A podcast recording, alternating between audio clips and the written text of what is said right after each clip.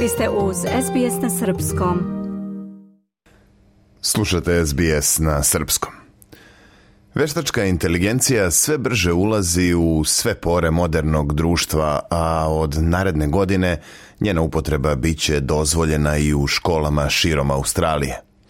Ovakva odluka doneta je iako su ranije sve države i teritorije zabranile da se u školama koriste aplikacije poput chat GPT-a i drugih chat botova.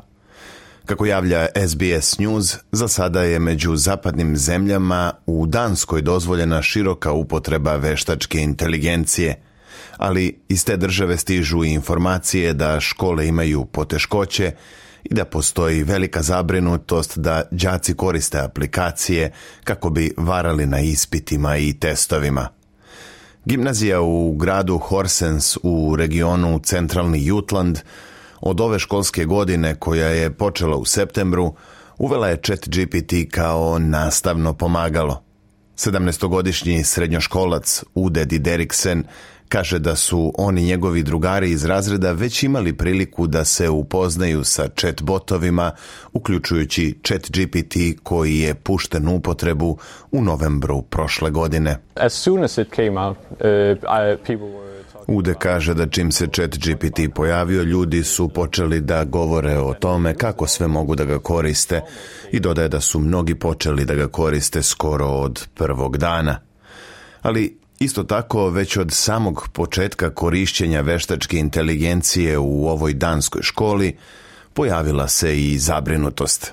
Nastavnica engleskog jezika Mete Melgard Pedersen Kaže da su posle samo nekoliko nedelja na njenom stolu počeli da se pojavljuju tekstovi, očigledno generisani veštačkom inteligencijom.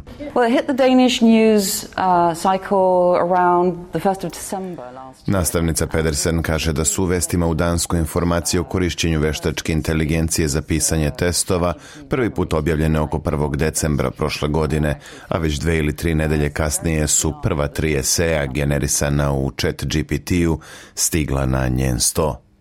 Međutim, ona posle toga nije odlučila da zabrani upotrebu chat GPT-a, već je počela da formuliše projekat za korišćenje veštačke inteligencije u učionici. Evo i kako je to uradila. My experience was that the students would use Iskustvo mi je govorilo da bi ga učenici koristili bez bilo kakvog razmišljanja, a na taj način to postaje prepreka za učenje, a učenje je ovdje ceo projekat. Ali ako bismo mogli da promenimo način na koji oni koriste veštačku inteligenciju i da ona tako postane oruđe za učenje, to bi bilo dobro. Time bismo mnogo dobili kako u smislu davanja učenicima novog alata za učenje, tako i u pogledu odnosa sa njima, jer ako bismo vodili razgovor s njima o tome kako da koriste veštačku inteligenciju, onda nestaje i cela ideja kako je to tema o kojoj ne mogu da razgovaraju s nama jer je zabranjeno, objasnila je Pedersen. U dvogodišnjem projektu uvođenja veštačke inteligencije sada učestvuje pet srednjih škola u Danskoj u koje ide oko 1200 učenika starosti između 15 i 20 godina.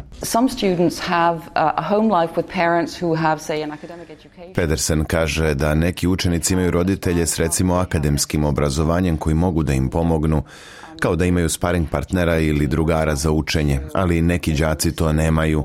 Zato ukoliko koriste chat GPT, oni mogu, na primjer, da naprave listu najvažnijih tačaka u tekstu koje im je teško da razumeju.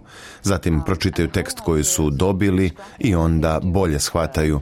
U tom slučaju je veštačka inteligencija korisna, kaže ova nastavnica. Ona dodaje i da je očigledno da cela ideja da se iz škola na neki način izbaci sve što ima veze sa kompjuterima sada pokazala kao nerealna. Ali mnogi drugi prosvetari u Danskoj razmišljaju drugačije i vide potrebu da se pitanja i zadaci na testovima učine otpornim na chat GPT. Za neke nastavnike to znači da se testovi ponovo pišu olovkom na papiru posle više godina digitalnog načina rada zadataka.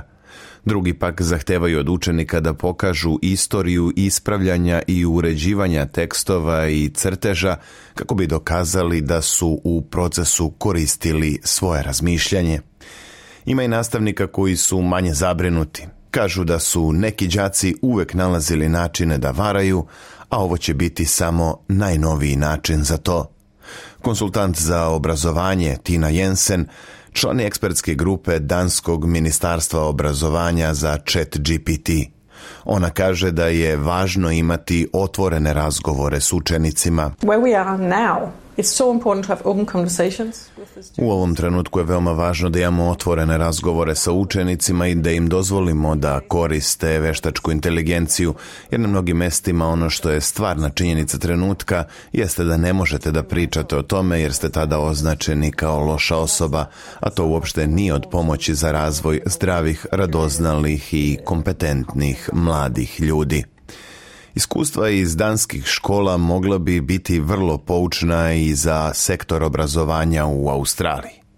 Iako su ranije ove godine vlade država uvele privremene zabrane chat GPT-a u državnim školama, navodeći kao razlog zabrinutost zbog mogućih plagijata, nedavno je na nivou ministara obrazovanja ta odluka preinačena Naime, odlučeno je da veštačka inteligencija postane dostupna u svim australijskim školama već od prvog dana školske 2024. godine. Slušate SBS na srpskom. Ja sam Branko Cvetojević. Želite da čujete još priča poput ove? Slušajte nas na Apple Podcast, Google Podcast, Spotify ili odakle god slušate podcast.